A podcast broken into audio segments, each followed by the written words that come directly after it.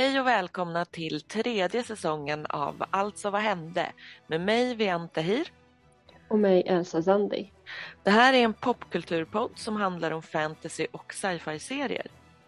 Och tillsammans med lyssnare ska vi titta på och prata om tv-serier vi för det mesta älskar, eh, ibland kanske hatar. Vi svarar på frågan alltså, vad hände? Well, first off så har ju eh, Dude Brosen lackat efter premiären av eh, Lord of the Rings, The Rings of Power. Ja, och de har ju, de har ju alltså lackat ur så mycket att Amazon Prime har pausat möjligheten att betygsätta själva tv-serien.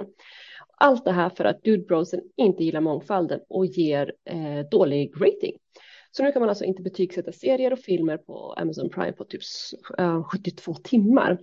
Och det här är, och jag citerar, det är för att komma till rätta med och urskilja trollen som de skriver på eh, Hollywood Reporter. Och igen, det här är inte första gången något sånt här händer. De har ju sådana här eh, det, betygkampanjer och drev av mer eller mindre toxiska art har ju, det är inte första gången de gör sånt här helt enkelt. Ja, ja, alltså det är ju föga förvånande att vita män lackar ur. För att vi var ju ändå, alltså vi pratade om det förra gången, de var liksom lack redan då. Så det är tyvärr inte så förvånande att de kör ett sånt här betygsdrev eller vad man ska kalla det. Um, för att vi måste, man måste ju så här, of course man kan sätta betyg och ge negativa betyg. Det, det, det får man ju göra men här är, handlar det ju om att vissa har inte ens sett serien överhuvudtaget. Så eh, Amazon Prime att de ska komma till rätta med det är för att de måste veta om det här är ens riktiga betygssättningar. Eh, och ja, men de har ju, gjorde ju också så med Captain Marvel, för gud förbjuda att det ska finnas en kvinnlig superhjälte. Eller med Captain America, previously known as Falcon and the Winter Soldier, för gud förbjuda att det ska finnas en svart superhjälte. Så de har ju gjort sådana här betygsdrev ett antal gånger. Mm. Ett annat exempel är ju Ghostbuster-uppföljaren med de kvinnliga skådespelarna.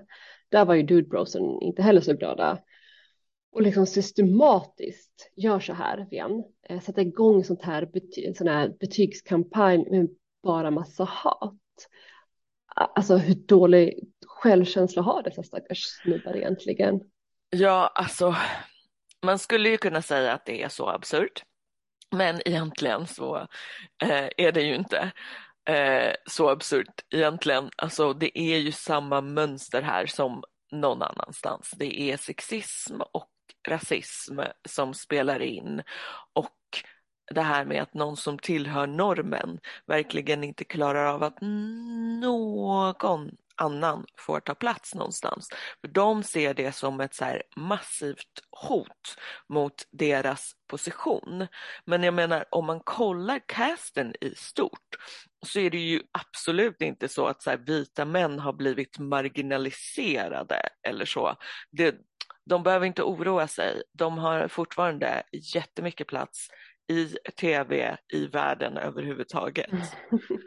ja, jag tror det handlar om att de är rädda för att hamna, att själva liksom hamna i marginalerna och så agerar man liksom utåt, precis som vilket barn som helst. ja, för gud förbjude att de skulle sluta vara the center of the universe. ah, så jobbigt. Men vi lämnar dem för Palla, Palla och prata om dem för länge. eh, vi har ju själva sett de två första avsnitten av The Rings of Power eh, och jag tänker att innan vi går in på exakt allt som händer och så där så kan vi väl börja med helt spoilerfria tankar. Vad tyckte du Elsa? Alltså jag är kluven. Det är mycket å ena sidan och andra sidan men det landar i att jag faktiskt är uttråkad. What? Why? det var liksom så mycket som hände att jag inte kände att jag connectade med någon av karaktärerna. Det var liksom för många perspektiv och i vanliga fall har jag inga problem med det. Men här funkar inte det riktigt för mig tror jag. Ja, alltså nu när du säger det och jag tänker efter så förstår jag helt vad du menar. Men när jag kollade så var jag bara pumped. Och jag tror att jättemycket av det, jag tror att det här nu när jag försöker tänka efter så kanske det här är en återkommande grej. Lyssnarna kan väl säga till om ni känner igen det här från tidigare säsonger. Men jag var bara så här bedazzled av allt som dök upp som man liksom läst om i tidigare böcker eller sett i, i filmer eller saker som bara berättats om eller så. Men nu fick man ju actually se det. Och jag bara, wow, här är det här stället. Här är den här karaktären. Här är den här thingamajammen som man liksom läst om tidigare men inte sett. Så jag bara, wow, coolt. alltså jag håller med dig absolut. Det var ju det var jättekul att få se en, eh, få se en början på en massa origin stories, alltså så början på det man vet. Jag älskar när man redan vet svaret eller vad man ska säga. Så mm. börjar man lite om från början. Jag satt och letade efter sånt, sånt där också hela tiden. Jag försökte klura ut vem som är vem, men du vet. det var ju så mycket sceneri, alltså vackra och mindblowing, vilket var nice. Men storyn då? Snälla, det är viktigare. Jag vill liksom inte ha ännu en sån här foundation. Det är nog därför jag var så mm. rädd. Foundation var ju bara en massa snyggt. Men så tappar man bollen helt med själva storyn. Så jag har så här, jag tror att jag har en triggervarning, för, eller det blir så här trigger för mig. Uh, så jag, jag, tror att jag är lite orolig över det. Det är kanske är det som, uh, ja. Alltså, jag förstår vad du menar. med att så här, Lord no, jag vill verkligen inte ha en till foundation-diskussion. Jag pallar inte. Men jag tänker så här, alltså du behöver ju jag tänker, oroa dig inte, det kommer gå bra, de kommer knyta ihop sna saker snart och liksom, om de inte gör det så kastar jag fjärrkontrollen på tvn och då blir det ändå action, fast på ett annat sätt. Så du får action ändå. tack, tack, tack. Nu känns det så mycket bättre. Men jag, jag håller med dig, jag tror ju också att det kommer bli bättre när det knyts ihop och sådär. Och jag är fortfarande sjukt pepp, eh, men var också bara lite uttråkad så här första avsnitten in, du vet, eh, ja. innan storyn verkligen tar fart. Jag tror att det är det som spökar bara. Mm. Ja, men vi väntar och ser och hoppas att den tar fart. Men en bra grej som jag läste på www som svar på alla så här besserwissrar som ju då of course är mest de här snubbarna, surprise surprise. Eh, men det var någon som skrev att man kanske inte ska tänka på det som en exakt prequel till punkt och pricka utifrån böckerna, så här, inte någonting superbokstavstroget, utan mm. bara lite mer som en fanfiction som har med karaktärerna, som har med vissa av händelserna men liksom inte är eh, exakt på ordet som det stått i Lord of the eh, Rings-böckerna. Och det tänker jag är en mm. ganska bra inställning att ha med sig. Ja, det var faktiskt jättebra inställning och det, och det är liksom det som är liksom det bästa med, med, med just sådana här uh, prequels, eller man ska säga, att försöka hitta allas uh, origin stories, eller mer eller mindre, och um, ja, men försöka connect the dots sådär. Uh, och jag, men jag är ju ute efter äventyr, action och härliga karaktärer och, och inte liksom Lord of the Rings 2.0. Jag vill bara få ner perspektiv i den här fantastiska världen om jag ska vara ärlig. Så, ja vi hoppas på action eh, och härliga karaktärer och så vidare. Börjar det se ut som en risk för att det är skittråkigt så livestreamar jag fjärrkontrollkastandet om du behöver sån action. Men innan du börjar kasta grejer igen, kan, kan du väl berätta vad som hände i de två avsnitten, första avsnitten eh, vi har sett. Så eh, ring it back. Absolut, men först en klassiker spoilervarning, för nu kommer jag berätta allt, inte allt, men ganska mycket utav det som hänt i avsnitt ett och två av The Rings of Power. Och det är ju två avsnitt, så jag ska ändå försöka hålla mig någorlunda kort. Och om vi börjar från början så eh, handlar ju då The Rings of Power om det som hände typ tusen år innan Hobbit och eh, Lord of the Rings. Så det börjar med, introt börjar med eh, ett paradis där älvorna lever i frid och fröjd until shit goes down. evil sorcerer eller evil power förstör allting och de måste gå ut i krig. Eh, och en utav, eh, och då får vi ju se Galadriel som man kanske känner igen från senare. Hon lever vidare, jag vet inte om hon lever väl och frodas vidare, men hon lever ju vidare så att vi ser henne i Sagan om ringen. Och i det här långa kriget så eh, är hennes bror med och dör. Vilket gör att hon får en så känsla av liksom hämnd och hon tror att eh, en av de här evil powers, eh, Sauron, fortfarande är vid liv. Ingen annan av älvorna tror det. De tror att allting är eh, fine, det är lugnt, det är chill. Vi vet att hon kommer få rätt sen, eh, men de tror att allting är fine och chill, så hon har någon slags one woman mission av att eh, reda ut det här och få tag på eh, Sauron igen. Eh, och en av hennes kompisar är med, Elrond, eh, som vi också kommer ihåg eh, från tusen år senare. Och han är också en av dem som tycker att så här, nej men Galadriel, det, du, du får, det får räcka. Typ. Eh, så de försöker skicka henne tillbaka till paradiset där hon ska gå i pension. I sista, sista sekund eh, så hoppar hon av båten precis innan den färdas in i paradiset och simmar iväg. Medan hon simmar eh, så eh, Alltså, och där tänkte jag, jag undrade hur länge pallar Galadriel att simma? Men tack och lov, eller hur Elsa?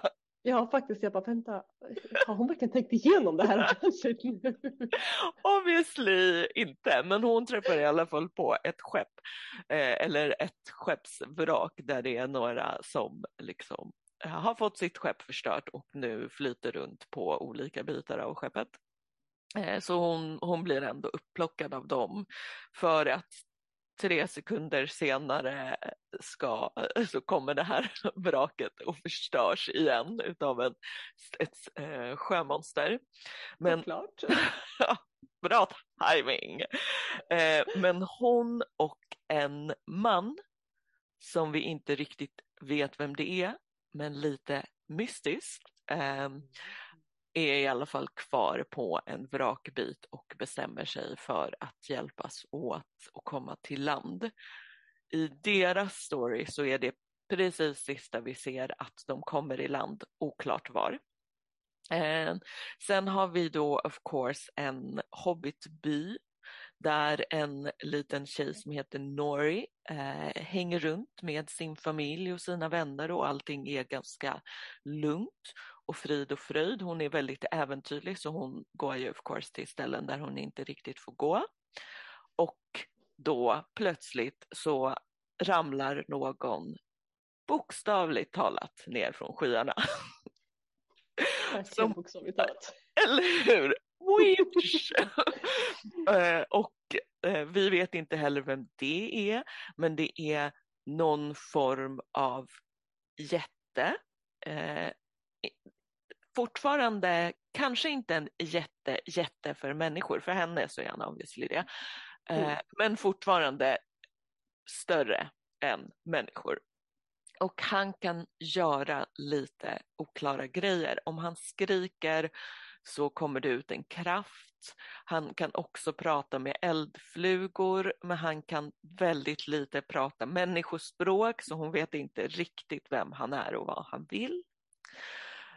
Um, och ja, bland de sista sakerna som händer där så är just att han viskar ett hemligt meddelande till eldflugor som flyger iväg men som sen mystiskt, ännu mer mystiskt dör.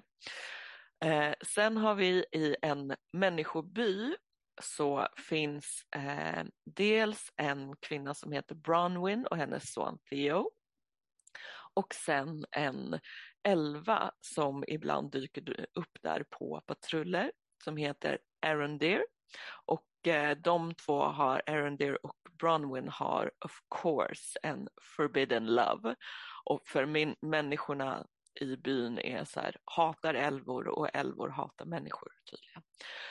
Um, otippat, otippat. uh, och i den här människobyn, förutom uh, the romance drama som händer mellan dem, så börjar det också hända, of course, mystiska grejer.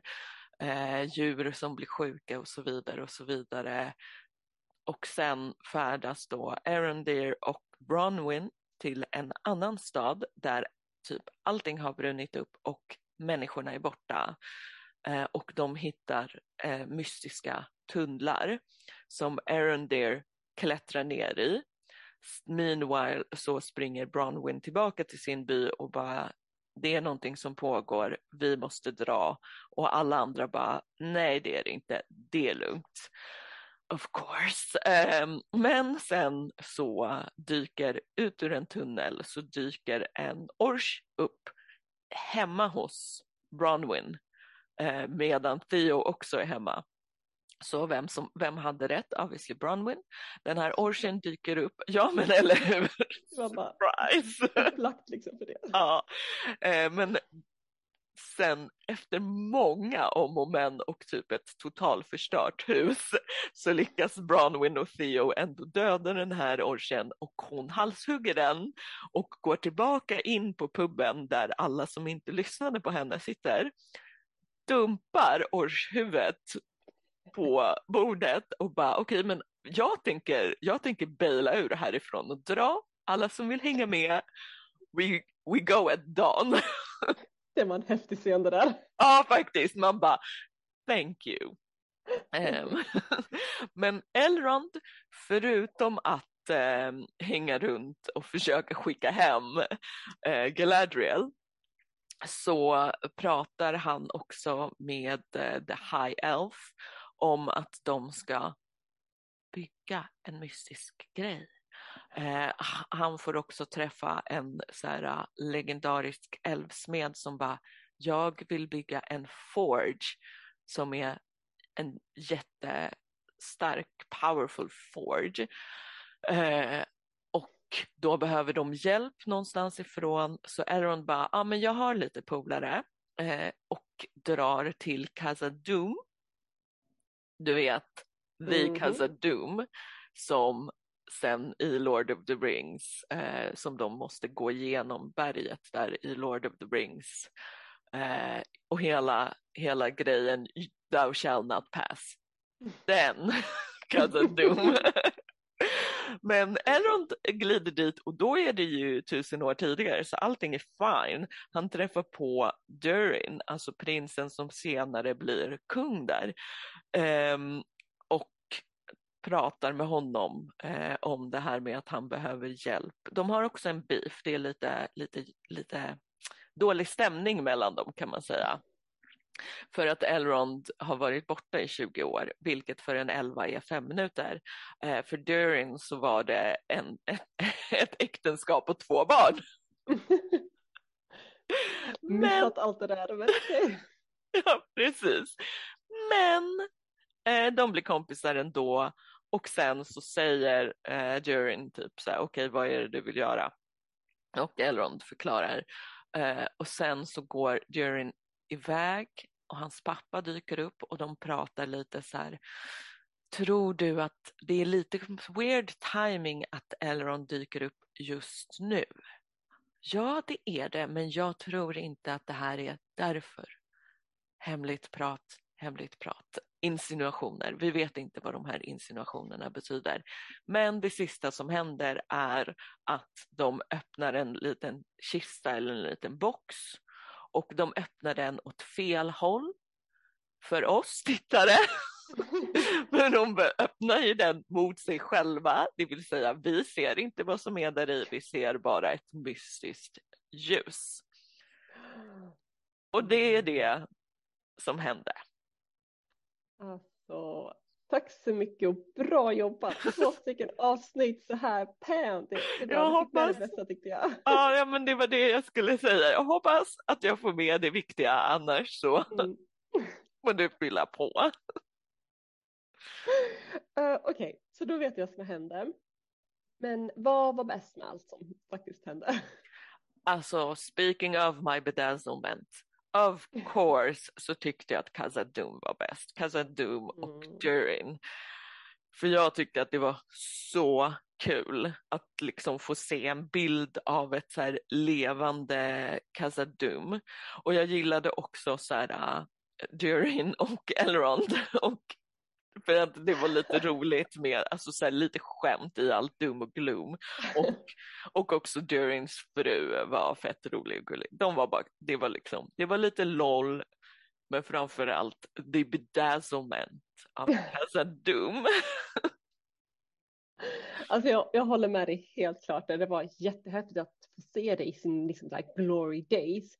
Uh, och det blir liksom ännu häftigare, eller vemodigt eller vad man ska säga, uh, att se det så där nice, man vet vad för öde som väntar, då blir det så här, åh, det var så det var. men, men du vet så här, I know, då uppskattar man det lite mer och försöker ta in allting. Och, och eh, ja, men jag tyckte också om det, jag blev också faktiskt bedazzled där. men deras relation var ju också kul, det var sjukt kul att få fnissa lite. Ja. Ja men precis. Way otippat med en rolig Elrond i jämförelse med vad man får se sen i filmerna. Men vad tyckte du var bäst av allt? Jag tyckte eh, det var bäst, alltså, jag tyckte Galadrians story helt eh, från början när hon var barn, hennes relation med sin bror, hur hon fick liksom kämpa för, eh, för vad hon tror på och trodde på och att vi vet, vi vet att hon mm. har rätt och att ondskan är inte borta. Och det, jag tyckte det var så beundransvärt att se henne bara. Hur hon inte gav upp, hur hon kämpade. Så jag gillade hennes storyline bäst. Um, en annan sak som jag faktiskt gillade var ju också, uh, oh, nu minns inte jag, men hon i byn och kan den här elvan. Den här lite Romeo och Juliet-viben ja. som de har. jag är liksom nyfiken på vart det ska leda. Hur, hur, liksom, hur ska de fixa det här?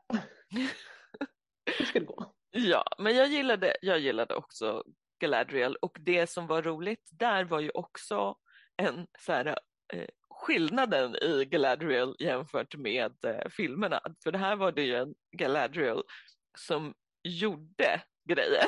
Mm. Hon är väldigt passiv i Lord of the Rings-filmerna. Eh, eh, så det var liksom kul med en badass version av henne som så här, du vet, klättrade i berg, dödade troll och liksom all that. Eh, men eh, vad tyckte du var lite mindre bra? Om jag ska vara lite finkänslig med orden.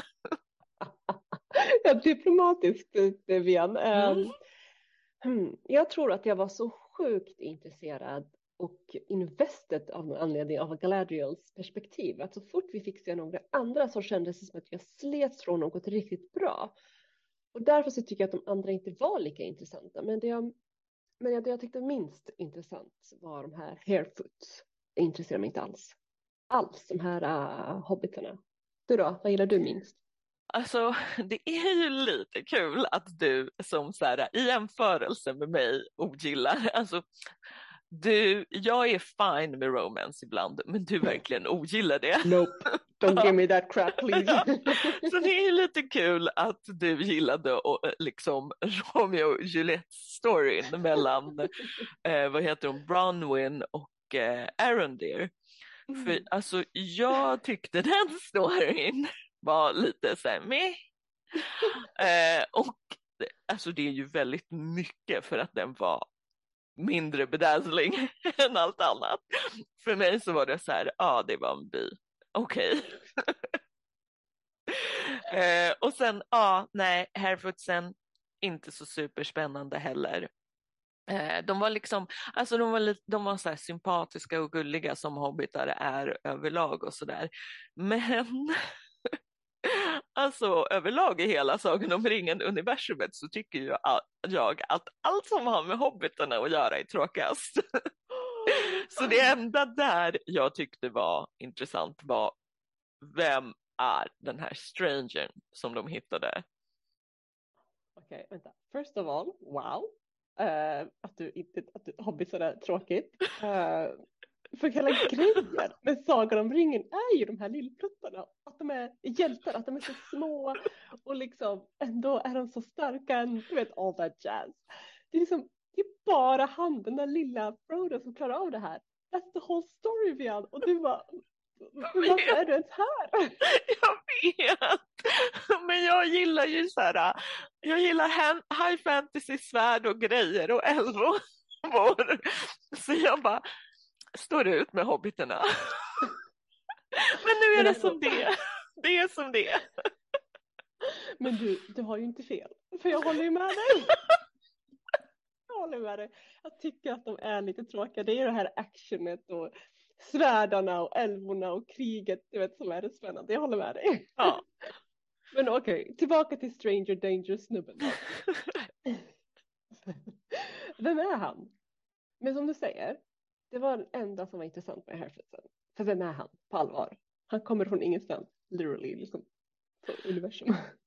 Ja, ja men alltså så här, för en grej som jag har, tänker på är liksom en annan grej som eh, är lite det du sa innan också, är att det som var frustrerande är att man är typ van vid filmerna och också böckerna, att man fick veta allt på en gång. Men här måste vi ju vänta vecka för vecka medan storyn utvecklar sig. Så vi måste mm. ju vänta på who the fuck den här stranger danger snubben är. Ja, och det här är ju faktiskt inte till seriens fördel tyvärr. Samtidigt tror jag också att serien kan vinna på det om de spelar sina kort rätt. För det är ju snyggt gjort, vissa karaktärer är väldigt intressanta, vissa... Jag, jag tror att alla är det om man liksom... Just nu, just nu är det så här, det färsk, alltså, förstår du, det här färska, du vet, det är, så, det är bara två avsnitt, man kan, inte, man kan liksom inte bara säga att, ah, att allting är som så här tråkigt. Men alla karaktärer är inte intressanta, men vissa är ju det och det finns en jättebra grund. Det är styrkan, de har en jättebra grund att stå, stå på.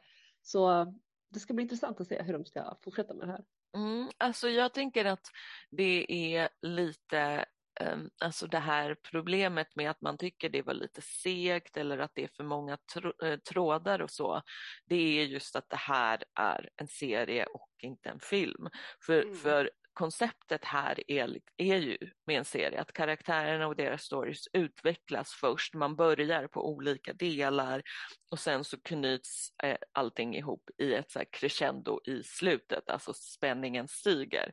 Men liksom i filmerna, där började ju hela grejen med att alla samlades och pratade om vad som ska hända med ringen, vad som ska göra vad, vem som ska ut på vilket äventyr och you have my sword, bla bla bla. och sen splittade de upp. Så här, alltså, och här är det ju tvärtom, vi vet ju inte, vi vet inte riktigt målet än. Mm. Så jag tänker att det kan kännas lite frustrerande därför. Men det har du rätt i. Man kanske ska ändra mindset när man går in, går in i den här serien. Det måste nog jag göra i alla fall. För att jag var uttråkad. Eh, och jag tror att det är just bara för att jag tänkte att jag skulle hoppa in i äventyret på en gång. Mm. Eh, så det, du har nog rätt där. Så jag, jag, tror ju på serien, absolut, fortfarande. Jag kommer definitivt kolla och jag längtar redan till nästa avsnitt. Ja, ja men man, man kanske ska ändra liksom mindset lite. Jag har ju som sagt blivit bedazzled, så jag vet inte än. Vi får se vad som händer när liksom den känslan lägger sig, hur jag känner om serien då, när jag kommer ikapp dig. Men so far, ja, so far so good. So far mm. so bedazzling för mig.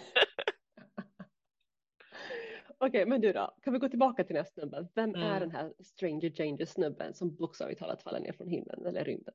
Vem är han? Ja, alltså om detta så twist, eh, tvistar ju de lärda på internet. är det någon av trollkarlarna en helt ny karaktär? Är det en good guy eller en bad guy? Eller mm, vad tror du? Mm. Alltså, jag, jag, tror ju att han kan vara den där bruna trollkarlen, du vet han som bor i skogen med ett helt fågelbo i huvudet, eh, Radagast. jag tänkte på det för att han pratade ju med eldflugorna i den här serien och Radagast hade ju så himla bra hand om djur. Så jag tänkte att det kanske, jag fick en sån här koppling, och känsla. Vad tror du? Ja, alltså det är en bra koppling och känsla. Ehm, just det här med eldflugorna och att han pratar med och att Radagast har ju så här bra hand om djur och så. Och det är mycket det som internet tippar på. Eh, att det är en av trollkarlarna i alla fall.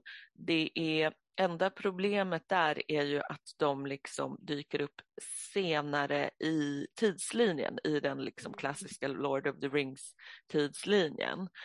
Men de kan ju ha tagit sig lite så här fanfic, eh, konstnärliga friheter. Jag däremot tänker slänga in en curveball och säga What? Tom Bombadil. nice Jan, mm den var bra. Men eh, varför just han? Varför, tror du att det är han?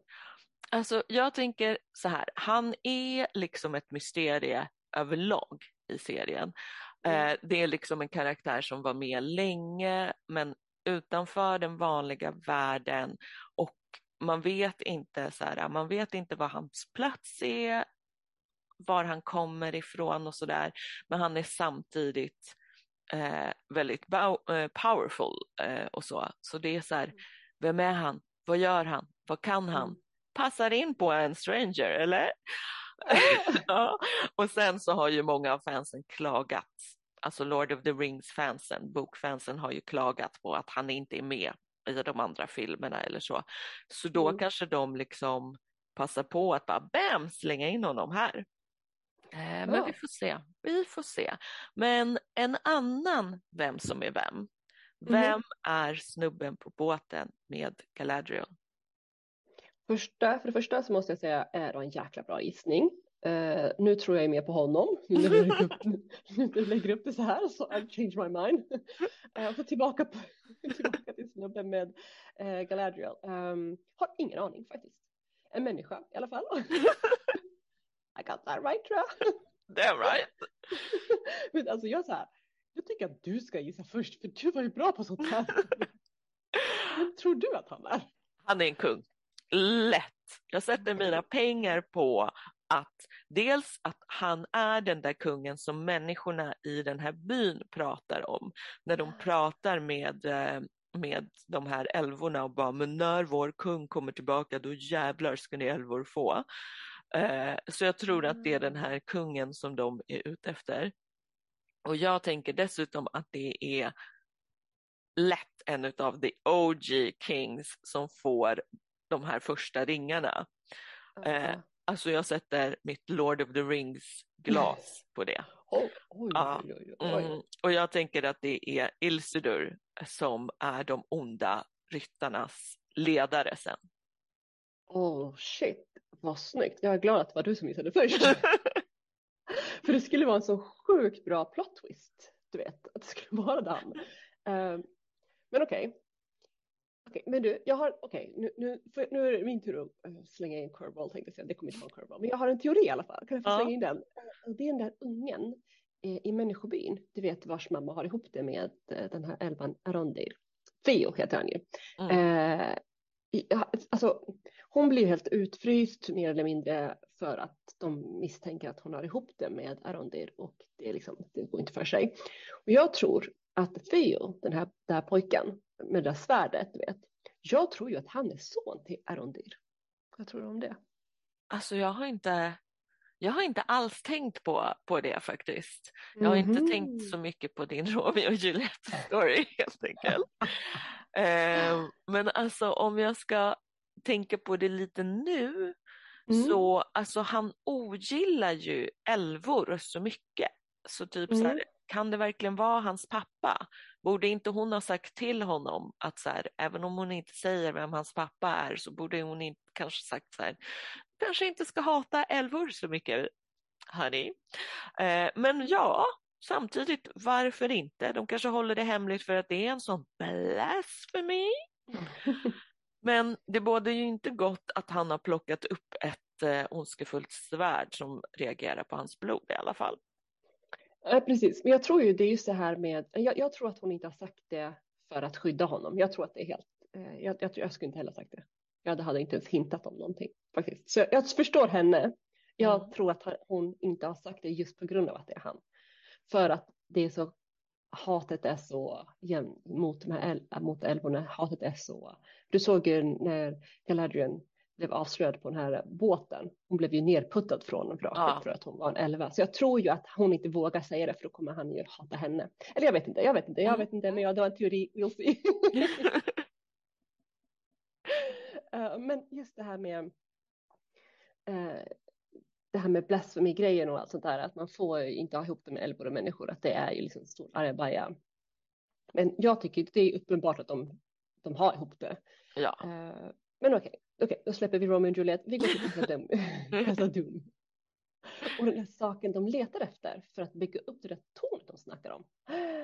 Kan det vara den här, den här platsen där de forgar ringarna? Du vet, tornet och ögat och allt det där. Är det den platsen de menar? Du menar det, det de ska bygga? Ja. ja att det ska ja, bli ögat. Det brinnande ja. ögat. Eller The JJ in the Sky. Eller ännu en The JJ in the Sky ska jag tillägga. Ännu en.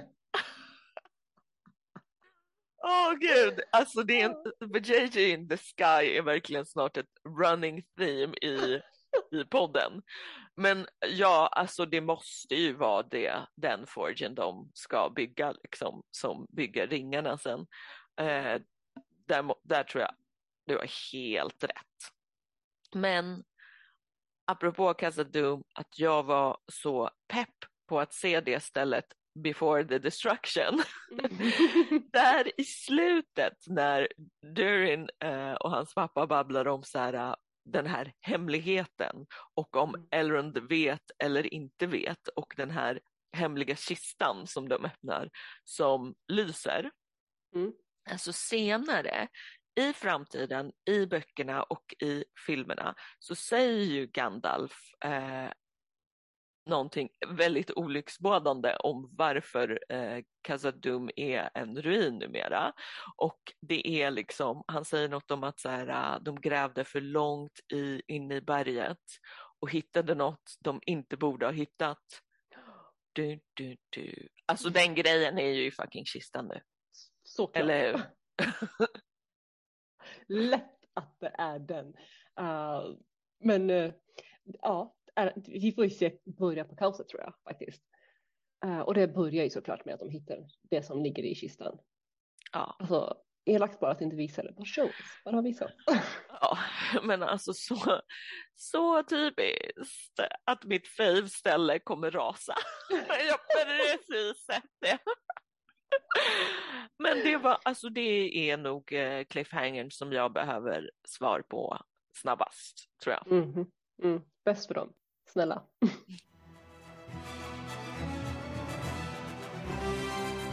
Men en cliffhanger sen förra avsnittet, det är ju hemläxorna. Mm-hmm. Mm. Du har mm-hmm. sett första avsnittet av Kingdom. Ett kostymdrama, Joseon-tiden, zombies. Hur var det? Um, uh, riktigt bra faktiskt och det funkar hur bra som helst med eh, zombiesar i den här time-perioden eh, faktiskt. Eller så, så otippat. Så otippat, men alltså egentligen när man tänker efter så är det så jävla bra för zombie, själva grejen med zombie är att det är ett virus som bara typ, Eh, ja, man vet inte, zombiesar, det är virus, det är en sjukdom. Och är det någon gång det ska komma sådana här sjukdomar, det är ju när det inte finns liksom, vetenskap för liksom, hur man ska bota förkylning. jag, jag köper det. um, men jag gillade det, riktigt bra pilot. Uh, lite lågmält, det var liksom inte så jättemycket läskigt eller jättemycket, det var väldigt så här, eh, för det vi, det vi jag, kan börja, jag kan berätta lite, okej okay, för det första, spoiler, spoiler för er som inte har sett The Kingdom, uh, så vet ni det. Uh, nu, nu kommer jag berätta lite vad som inte ingående i första avsnittet, för jag har ju bara sett ett avsnitt. Mm. Um, och det är liksom så att kungen är sjuk. Uh, men ingen får komma i närheten av honom. Nej, men ingen får komma, inte ens kronprinsen får liksom komma nära sin pappa. Men den här kronprinsen är lite, han, han misstänker att någonting stämmer inte. Varför får han inte träffa sin pappa? Varför får han inte ens gå i närheten? Vad är det de skyddar? Vi som vet, vi vet. Vi som har koll på zombieapokalypsen och vet hur man överlever den vet ju att kungen förmodligen är patient zero. Okay? det, det, det hintas ju lite sådär och så. Det börjar ju med att man får se en eh, väldigt så här, rik, eller inte rik, vad heter han, eh, välkänd doktor som många pratar om med sin apprentice och ska kolla till eh, kungen och då säger han till sin apprentice, unga kille där, du får absolut inte gå närheten av kungen, du får bara inte göra det. Ungen, han är ung, han är kille, han blir nyfiken, han kikar in och eh, försvinner liksom. han blir uppäten, han blir liksom så här. Uh, och det är ganska viktigt att komma ihåg den biten. För att, uh, för att slutet är i slutet. Nej, men men det är ganska intressant, för, det, för det, det, var det jag tyckte bäst om, att de byggde upp liksom um, att allting, det här är, det här, alltså det lugnet före stormen, det kändes verkligen att det var det. Uh, och det gjorde de bra. Jag tyckte väldigt mycket om kostymdrama-grejen och allt sånt där. Uh, och sen andra halvan av serien var ju liksom att kronprinsen blev ju liksom verkligen tillrättavisad. Han får inte komma närheten. Han försökte komma, de, de mer eller mindre hotade döda honom. Han är typ så här, nu är du förrädare, du kommer närheten. Mm. Men han har ju inte gett upp, det är det här jag gillar. Han ger inte upp, han bara, nu måste jag gå till den här byn för den här doktorn som vårdade honom. Ni kommer ihåg den här doktorn med den här unga apprenticen som blev uppäten. Jag måste hitta honom för han måste veta svaret, för läkarna måste veta svaret. Så han försöker hitta byn. Meanwhile, den här doktorn har tagit med eh, den här sin apprentice döda kropp till byn. Eh, och, alla, och när han kommer till den här byn alla bara, vad är det som har hänt? Oh my god, han, okej, okay. åh oh, nej. Till det där sjukhuset i den här byn. Och han säger ingenting. Han går in i sin study room och studerar. Och då förstår jag ju, jag som vet, som vet mm -hmm. att han studerar, vad kan det vara för virus som gör att man börjar äta människor? och hur smittar det? Ja men du vet, allt sånt där ska man behöva veta. I byn så får man träffa en annan väldigt jätteintressant karaktär, en sjuksköterska, minns inte jag namnet på någon av dem, förlåt jag har inte skrivit upp det, men Uh, hon är riktigt grym också, väldigt så här, typisk sjuksköterska, du vet, inte så rädd för uh, basilusker utan går in hands, hands on, tuff och verkligen I'm, gonna, I'm here to save lives. Den mentaliteten, hon gör det så bra. Mm. Och, när hon kom, och när doktorn äntligen kommer, alla är hungriga, det finns ingen mat, det är så här, nu, snart kommer läkaren, när han kommer och han har den här döda pojken med sig, blir ju stämningen lite annorlunda. Och helt plötsligt så börjar hon, när hon kommer till här sjukhuset, så ser hon att alla sjuka patienter äter och mår jättebra. Då är det en som bara, ah, jag gick och jagade hjort, jag fick en hjort, eh, så det är därför jag har gjort en köttsoppa. Hon bara, mm -hmm. vadå gjort? Vad har du fått? Alltså jag visste ju, jag visste från första början, jag bara, den här bitchen, den här jävla idioten har matat, han har gjort mat av den här döda kroppen. Mm. Han matar alltså människokropp. Och inte bara det, alltså bara det är äckligt. Men sen bara tänkte jag, du är en äcklig människa som kan laga liksom köttkryta av en annan människas kropp. Bara det är äckligt. Men sen bara, you dumbass, den här, den här är ju, det är ju, det är en zombie bite. Han ska, åh. Så Men så här, alla... en död död sjuk kropp. Han bara, det här ja. låter som en jättebra oh, idé att laga mat av den. Alltså, dumbass award goes to, alltså på så många, på så många lager. Och jag visste ju, jag bara, så fort de står och äter så visste jag ju att han har eh, gjort mat av den här mm. döda kroppen. Liksom. Det visste man. Ja, det var så här. Problemet är ju att eh, alla helt plötsligt, plötsligt börjar ju spy och dö. Mm. och förvandlas till zombies. Och det är så det slutar. Att hela den här sjuk, det här sjukhuset, alla patienter dör och blir förvandlade till zombies. Och det, det, är, typ, det är jättebra pilot, verkligen. Välgjord, eh, bra skådisar, intressanta karaktärer. Kronprinsen och sjuksköterskan verkar grymma. Jag vill se det, liksom, alltså jag vill bara se mer, mer än det här. Så att jag är definitivt game på att se mer. Men du, jo, jo, för jag, för, för, för, jag kom på en sak, för jag fråga en sak? Mm. För jag insåg att det finns en säsong två. Mm -hmm. Är det van? Är, det, är inte det För jag för mig när vi började min K-drama äventyr så sa du att, att, det, att det oftast är bara en säsong. jag vet. Nu jag finns det två. vet. Ja, berätta. Alltså grejen är också att det tog ganska lång det kändes i alla fall som att det tog ganska lång tid mellan säsongerna. Eh, och, men för egentligen det som är anledningen till att jag älskar eh, K-dramas, inte det som mm. är, men en en grej som jag tycker är så skönt, det är att de går från A till Ö på en säsong. Man behöver inte deala med att vänta på saker och Exakt. grejer. Exakt, och jag älskar avslut så jag är jätte, jätteglad för att ha veta att K-dramas, man har en säsong, det är ett avslut, jag får ett avslut, I need that. Ja. ja. Ja, nej men här, här är det ju en till säsong men det är inte så många avsnitt eh, har jag för mig. Eh, jag tror att det är tolv avsnitt allt som allt kanske. Ja, det stämmer. Eh, så, så ja, det kommer en säsong till. Folk mm. vill ju ha en tredje säsong till och med. Oh. jag vet. Jag bara, men sluta med säsonger. Ja, jag tycker nästan det. Tycker no nästan. more, no more. omstängda dörrar, okej? Okay? Ja, exakt. Man öppnar, den, ja, man öppnar den, man går in, man stänger den. Men alltså så nice att du gillar den eh, och så alltså, kul att du också tycker att kostymdramat funkar. Mm, det funkar jättebra faktiskt. Jag, tyck, jag, jag hade inga alls problem med det. Ja, men premissen när man, när man liksom ja, gud ja. hör om det. Bara, ja. det hur, hur? Det, hur ska du göra här? Ja, men det är så här, man, typ bara, Gustav Vasa och zombies låter inte så här. Du har helt rätt. Ja. men jag, jag håller med, det var så här, vänta ett tag. Men eh, nej, man tänker inte alls på det när man väl tittar. Nice. Men mm. då, eh, det känns inte som jag behöver fråga om du tänker fortsätta. Nej, du behöver absolut inte fråga, jag kommer fortsätta. Och nu kan jag ju till och med fortsätta lite mer, så ja, jag kommer fortsätta. Men okej, okay, nu är det din tur. Du har sett första avsnittet av skräckfilm Midnight Mass. Hur mår du? Är du okej? Okay? Hatar du mig? Uh, ja, det gör jag. Det gör jag. Ja, uh, alltså, alltså den bör...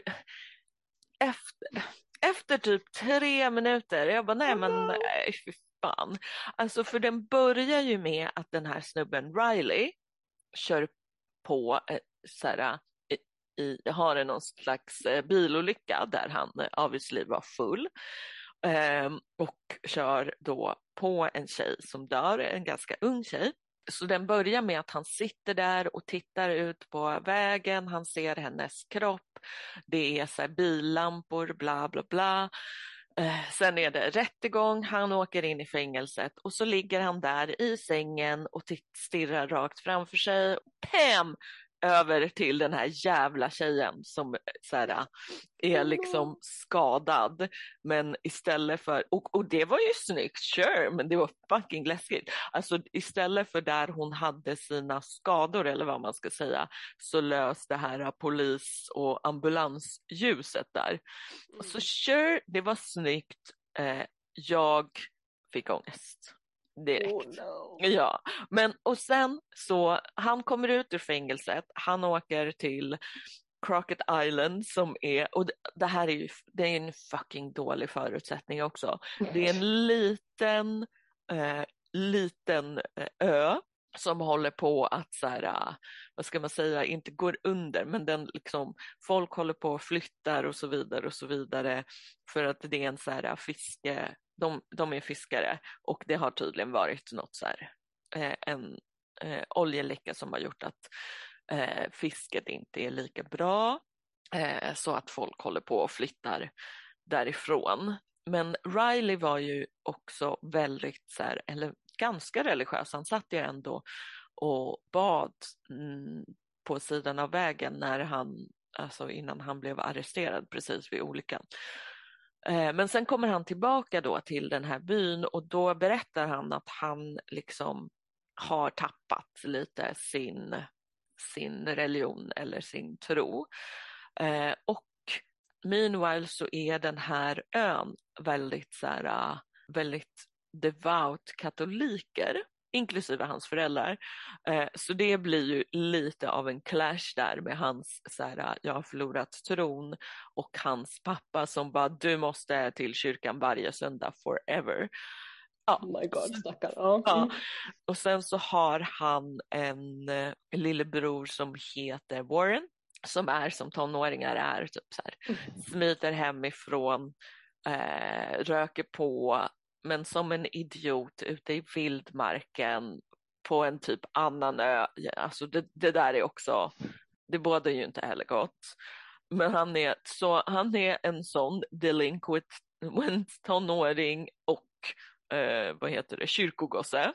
Och sen har de en präst som har försvunnit eller inte. Han har åkt iväg på en sån pilgrimsresa och så ska han komma tillbaka. Men han kommer inte riktigt tillbaka och that's weird. Och så dyker en annan yngre präst upp. Father Paul, han dyker upp och ska vara någon slags vikarie för den här äh, uh, Monsignor Pruitt. Han dyker upp under mystiska omständigheter. Väldigt så mystiska omständigheter, fullt med sånt ja. Ja, verkligen, jag gillar inte det. Men eh, alltså när den här, de här jävla delinquent tonåringarna är ute på den här ön så är det så här äh, kattbråk, skrik och sen så ser man att den här katten är död och jag bara det här är inte oh, bra. Uh, ja, så det var inte bra. Jag bara, det där bådar inte gott. Again.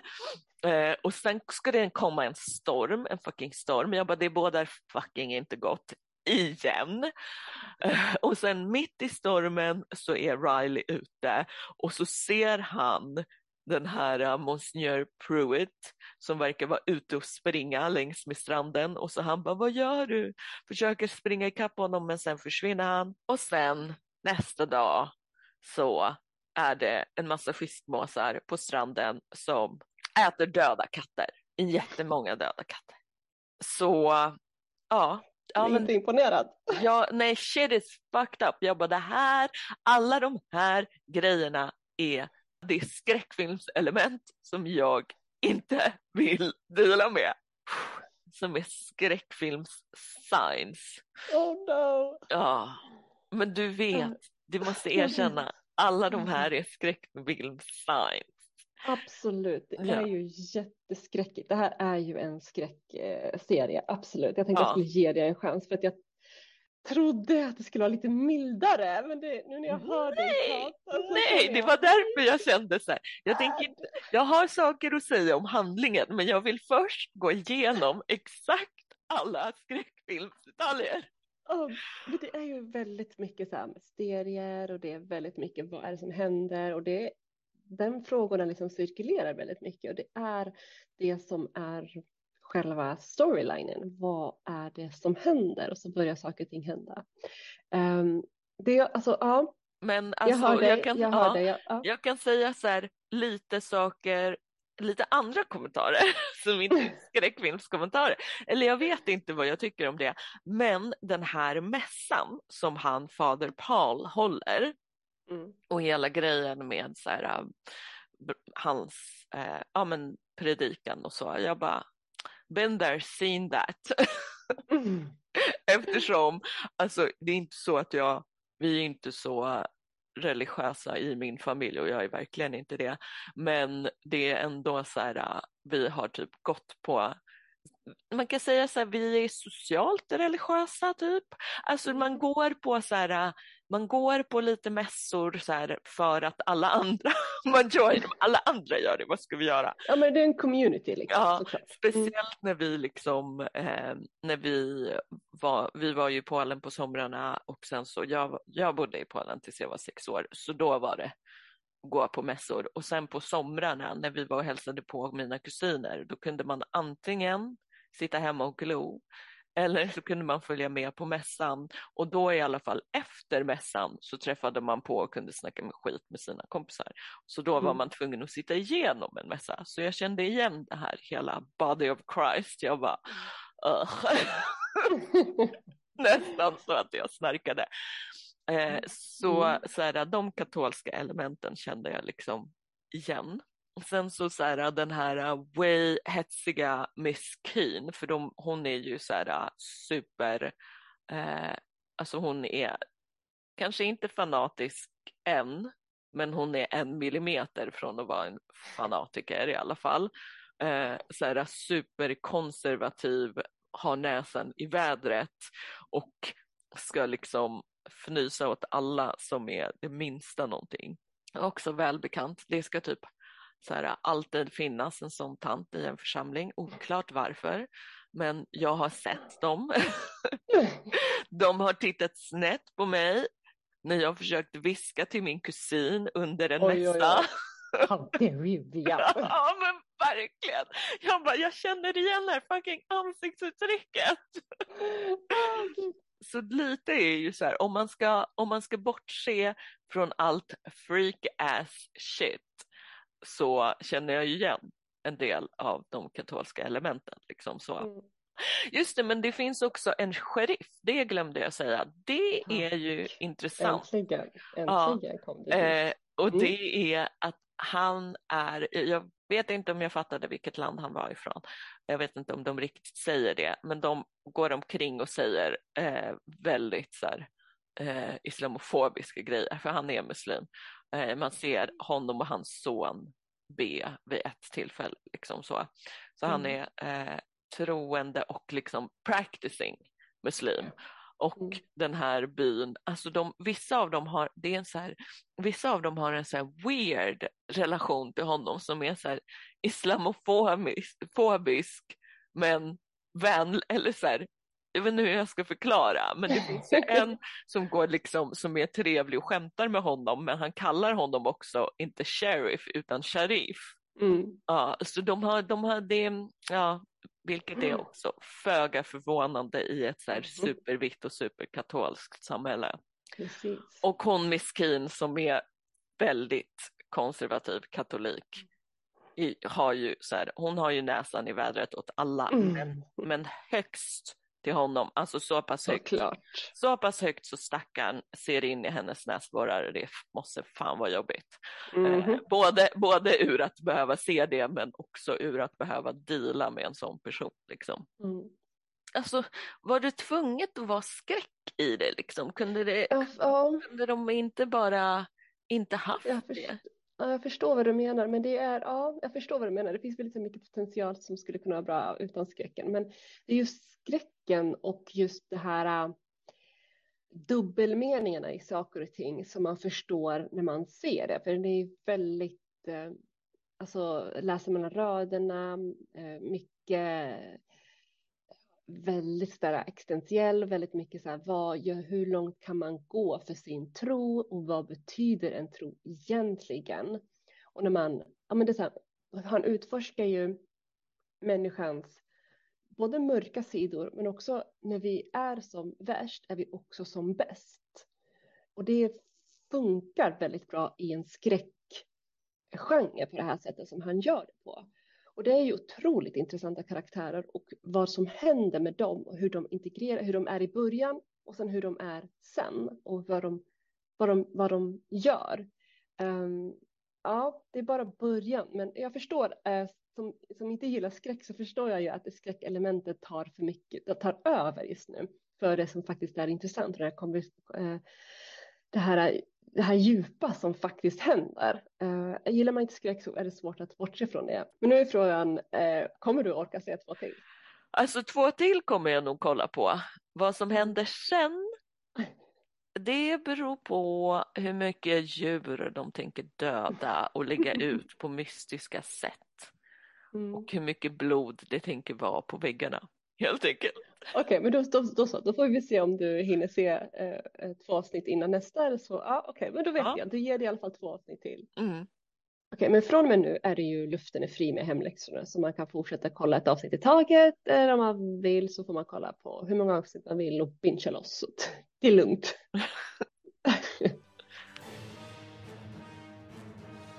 hur mycket Midnight Mass kommer Vian att klara av? Kommer Kingdom fortsätta hålla Elsas intresse uppe? Vad är det som lyser i kistan i The Rings of Power? Vad har ni för teorier om The Rings of Power?